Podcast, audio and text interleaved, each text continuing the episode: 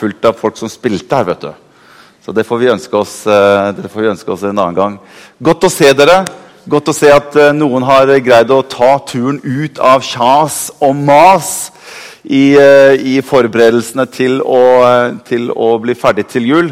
Godt å se deg at du har tatt turen hit. Jeg, har, jeg har lyst til å dele noe med dere i formiddag.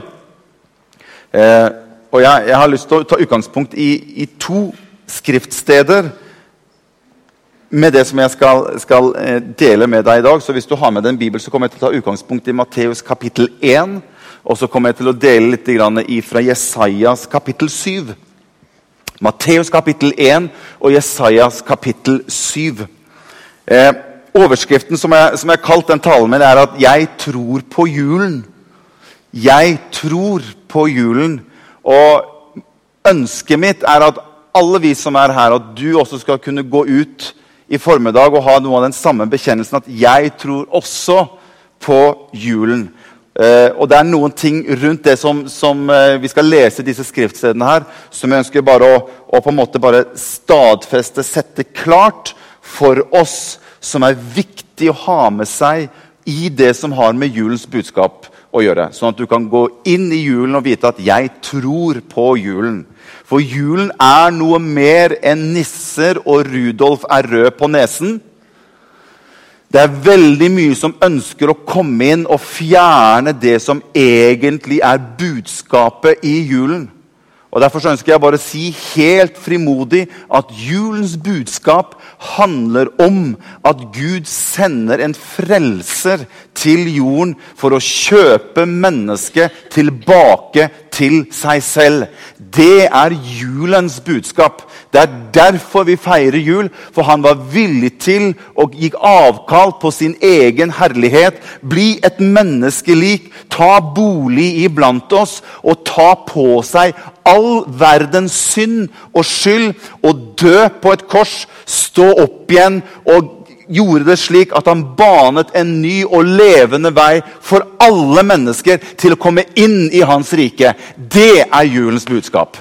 Derfor så tror jeg på julen. Det har en hensikt.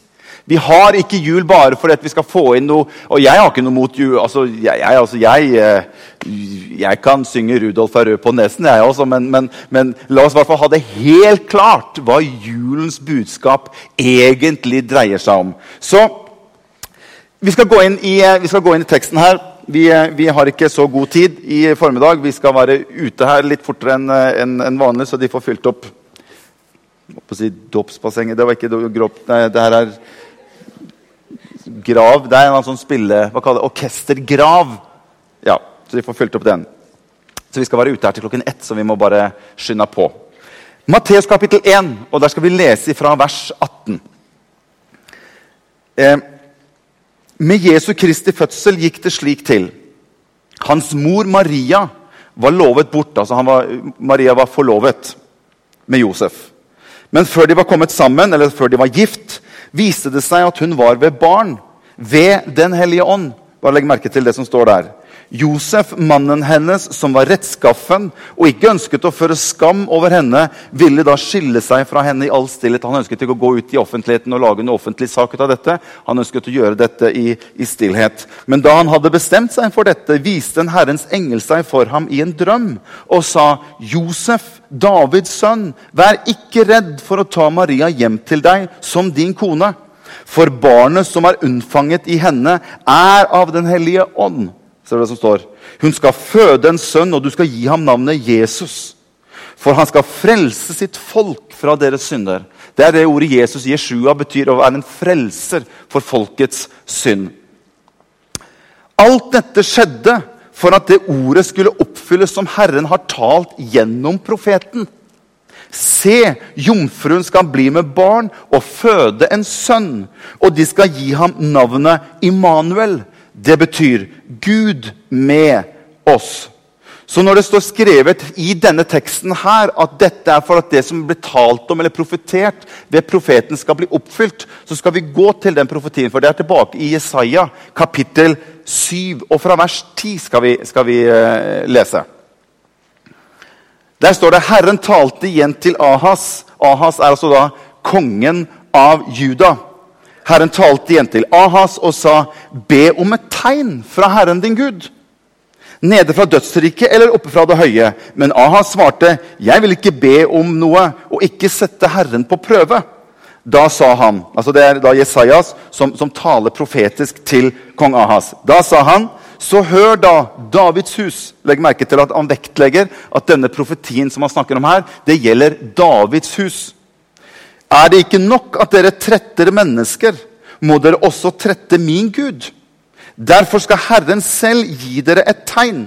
Se, den unge jenta skal bli med barn og føde en sønn, og hun skal gi ham navnet Emanuel. Ok, la meg, la meg, bare gi deg litt sånn bakgrunn for hva som egentlig skjer her. når vi går tilbake til Jesaja. Eh, Ahas er konge i Juda. Eh, og I den situasjonen her så er det slik at Syria er på vei til å angripe Ahas, angripe Judariket. Og ikke bare Syria, men de har også greid å få med seg Israel til å gå til angrep på, på eh, Juda med Ahas som konge. Ahas han er ingen gudfryktig mann, han er ingen åndelig mann.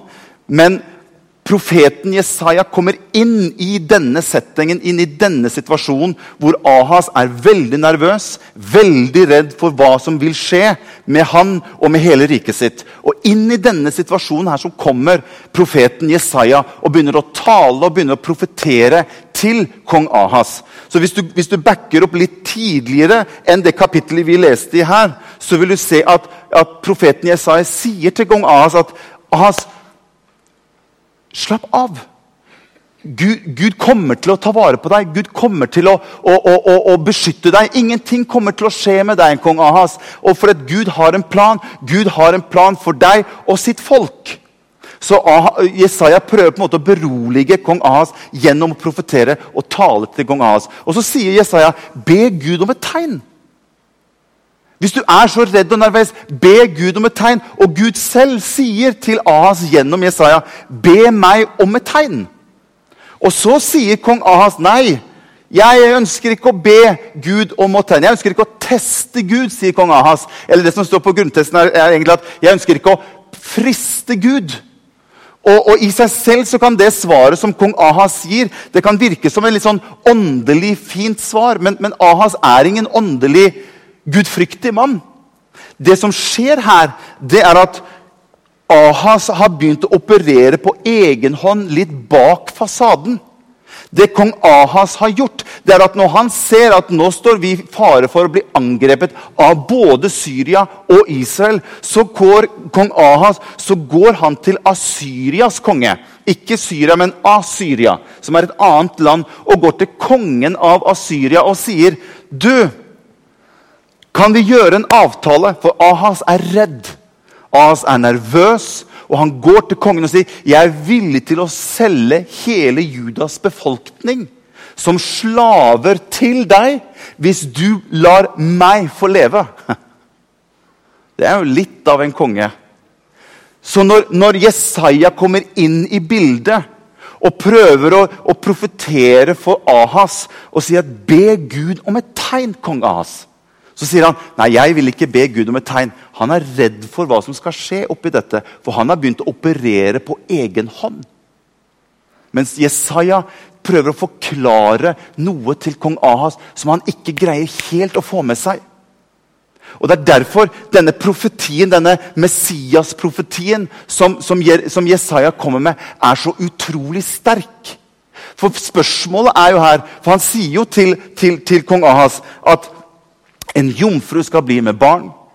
Messias skal komme, og de skal gi ham navnet Emanuel, Gud med oss.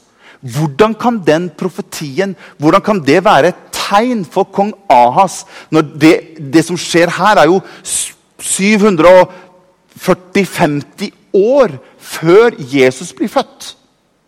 Og Det er dette som er så utrolig sterkt med denne profetien. Det er at Jesajas prøver å forklare kong Ahas. Ahas, Messias skal jo komme.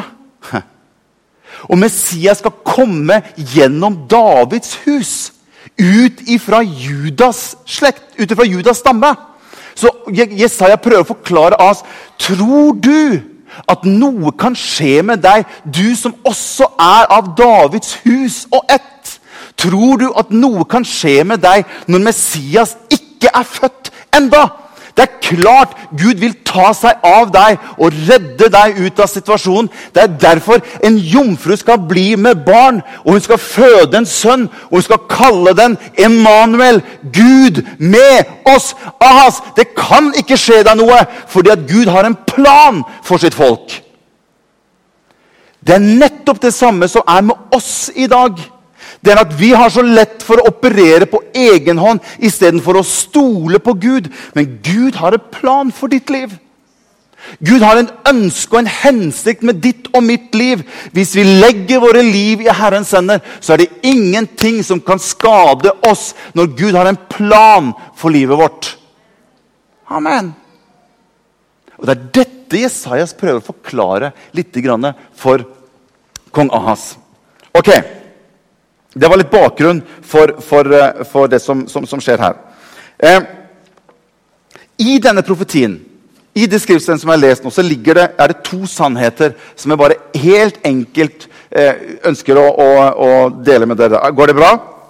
Dere er ikke helt Jeg ser noen av dere bare Det ser ut som du sitter og vasker i søvne. på en måte. Nei da, tuller jeg. Dere greier litt i formiddag? Bra. Flott. Det er to sannheter i disse profetiene her som jeg ønsker bare å dele kort med dere. Det første er og Jeg ønsker bare å si at jeg ta utgangspunkt i at jeg jeg tror på jomfrufødselen. Jeg tror på jomfrufødselen. Det er noen som mener at det er ikke så veldig viktig om det var jomfrufødsel eller ikke. Hør! Det er ekstremt viktig å tro på jomfrufødselen. Hvis du, hvis du, kommer borti noen som i det hele tatt begynner å røre borti for skjønner, Disse tingene er det kamp imot. Disse tingene er det, er det diskusjon og debatt rundt. Fordi at den onde vil alltid prøve å snappe ut det som gjør budskapet til guddommelig.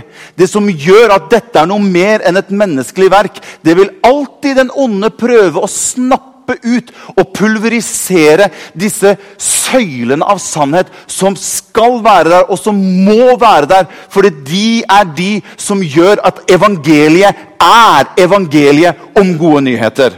Derfor har jeg sagt her jeg tror på jomfrufødselen. Det er det som står i teksten her. Hun var ved barn ved Den hellige ånd, som vi leser i Matteus. For barnet som er unnfanget i henne, er av Den hellige ånd. Og Du kan lese veldig mye diskusjon om dette med, med, med jomfrufødselen og Maria. Men La meg bare forklare litt. Eh, hvis, hvis Maria hadde vært unnfanget av en mann, så hadde ikke Jesus vært Gud. Og det er det som er selve hovedpoenget i denne påstanden om at jeg tror på jomfrufødselen. Bibelen forklarer veldig ofte mange, flere steder i Bibelen at, at fedrenes synder eh, overføres til, til, barna. Det står ikke at mødrenes synder overføres, men står fedrenes synder. Og da kan dere mødrene si ja, det er det jeg vet. Ja, ja, ja. Jeg ser det i dem. Det er han. Jeg ser det igjen. Det er, det er han opp av dage det skal få den, siden, I og med at det er jul, og sånn, så, så skal du få den. Det er greit nok. Men det står at fedrenes synder overføres til barn. Hva betyr det? Jo, det betyr at syndenaturen i mennesket overføres videre fra slekt til slekt. Emanuel eh, Profetien sier at du skal gi ham navnet Emanuel. Og så står det 'som betyr Gud med oss'. Det var viktig at det var Gud som kom ned på jorden. Ikke en representant, ikke noen andre. Han selv, som Gud, måtte være og komme hit ned på jorden. Så Gud bruker et egg fra kvinnen, men står selv for unnfangelsen. Slik at når Jesus vokser opp, så har han ikke syndens natur i seg. Han er sann Gud her nede på jorden. Det var Gud selv som kom ned. Det er fantastisk! Når du begynner å se inn i dette, så er det helt Det er, så, altså, det er ikke noe menneske som kan komme og oppkonstruere dette her. Det her er du og jeg vi hadde jo aldri greid å komme på dette. Det er så genialt, det er så gjennomtenkt at det må stå en Gud bak dette her. Amen. Jeg, jeg, jeg, jeg hørte om en, en, en liten fortelling om en, om en dommer. En, en, fyr som hadde en dommer som venn. Og denne vennen han hadde fått, han hadde fått en bot. Så han, så han eh, i et eller annet lag eller sånt, så, så, var han sammen med han dommeren her. Og så sier han du, jeg, jeg fikk denne bota her. Kunne du, kunne du, ha tatt deg av den? Og så sier dommeren ja, jeg skal, jeg skal fikse den bota.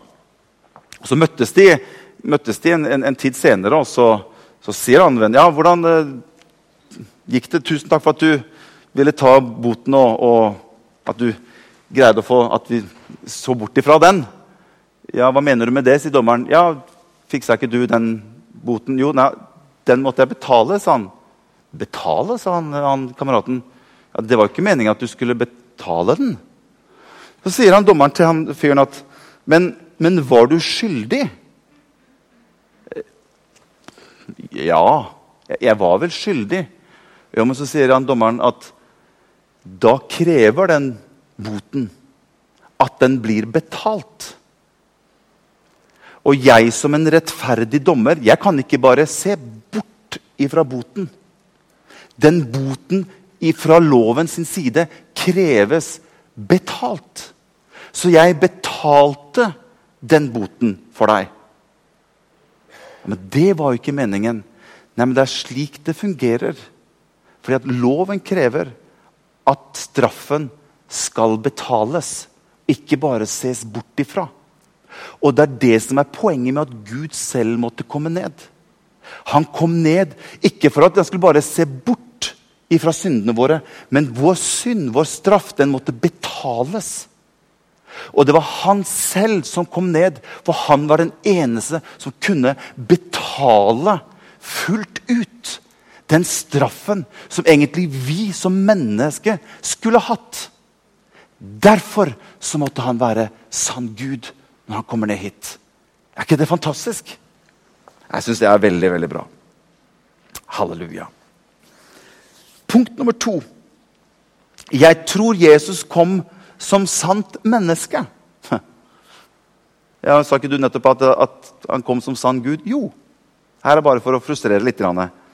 Gud kom som sant Gud, men Gud kom også som sant menneske. Og det er rart at Alle disse tingene her diskuteres. alle disse tingene her kan du, Selv helt tilbake på Jesus' tid så spør Jesus hvem sier folk at jeg er.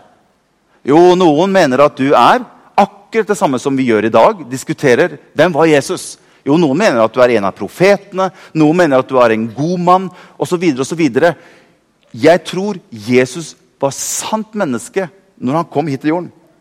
Eh, se hva som står i Johannes kapittel 1 og vers 1. Johannes 1 og vers 1. Henger dere med? I begynnelsen var Ordet, og Ordet var hos Gud. Og Ordet var Gud. Jesus omtales som Ordet i Bibelen. Og så står det videre i vers 14.: Og ordet ble menneske og tok bolig iblant oss. Du skjønner, Det var viktig at han også ble et sant menneske. For hvis han, hvis han bare hadde kommet ned og vært Gud, så kunne han ikke dø. For Gud dør ikke. Så han måtte bli et sant menneske for å kunne dø. Det er det som er så genialt med hvordan Gud gjør det. Så Jesus er sant menneske og sant Gud.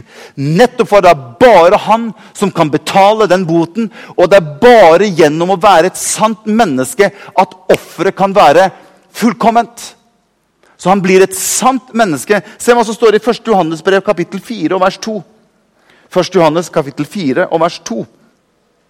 På dette kjenner dere Guds ånd. Hver ånd som bekjenner at Jesus Kristus er kommet i hva for noe? I kjøtt og blod, er av Gud.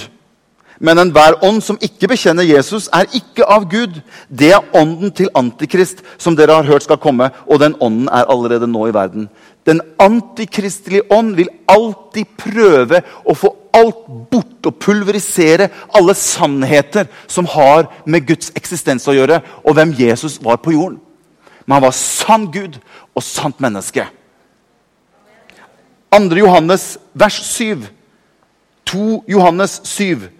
For det er gått mange forførere ut i verden, slike som ikke Ser du det?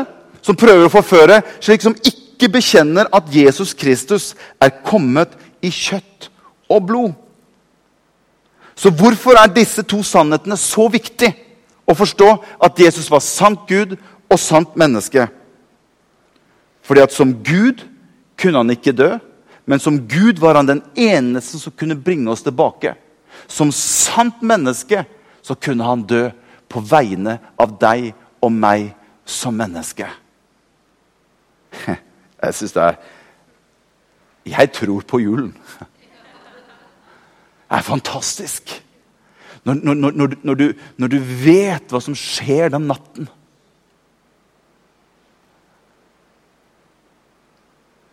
Når, når Messias blir født den natten det er noe mer enn at det skal være litt hyggelig en kveld. Han kom for å forandre hele historien og kjøpe mennesket tilbake til Gud. Fantastisk. Se hvordan hebrebrevets forfatter skriver dette.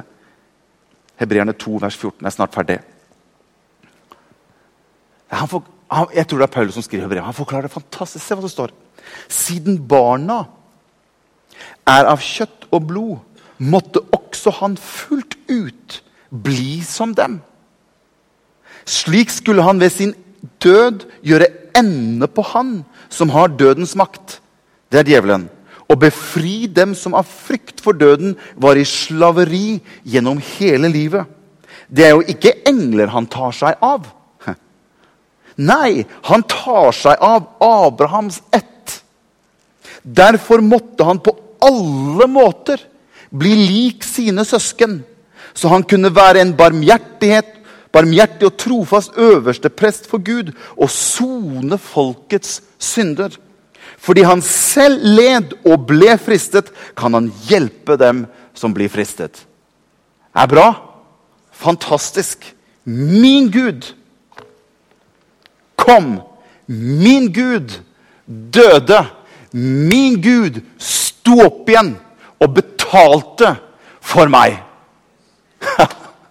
Min Gud, han kom. Min Gud, han døde for meg. Og min Gud sto opp igjen som den første blant mange brødre, slik at jeg også har mulighet til å få en oppstandelse når jeg tror på Jesus Kristus.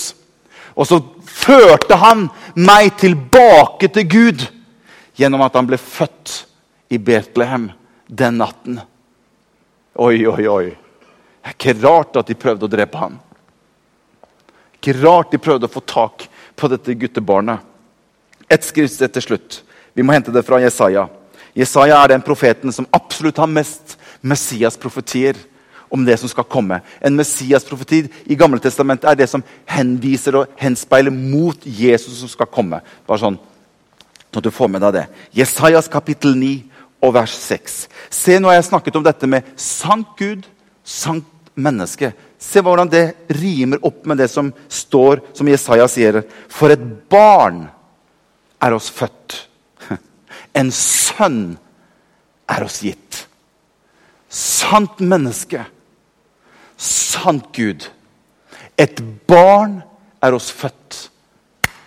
En sønn er oss gitt.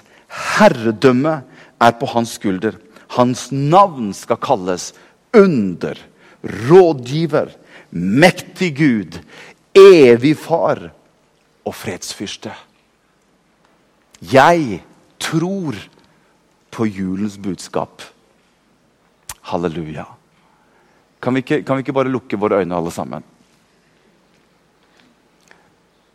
Jeg har lyst til å spørre, hvis det er noen her i dag som ikke har fått julens budskap ordentlig på innsiden. Så kjenner jeg har aldri fått en ordentlig relasjon med Jesus. Jeg kan godt feire jul. Det er koselig med Jesus i krybben. Det er koselig med Betlehem, det er koselig med julen og julesanger. Men skjønner, julens budskap handler om at du og jeg får vår relasjon med Gud i orden i livet vårt. Det er det som er julens budskap. Han kan komme som fredsfyrste, og han kan gjøre en forandring i ditt og mitt liv.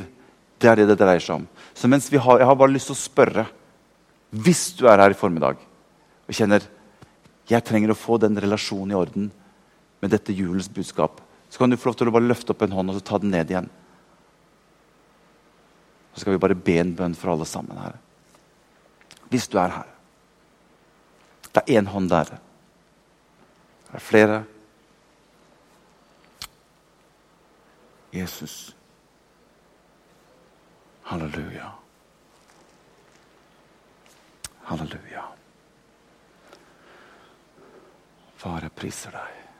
Kan vi ikke bare reise oss opp alle sammen til slutt?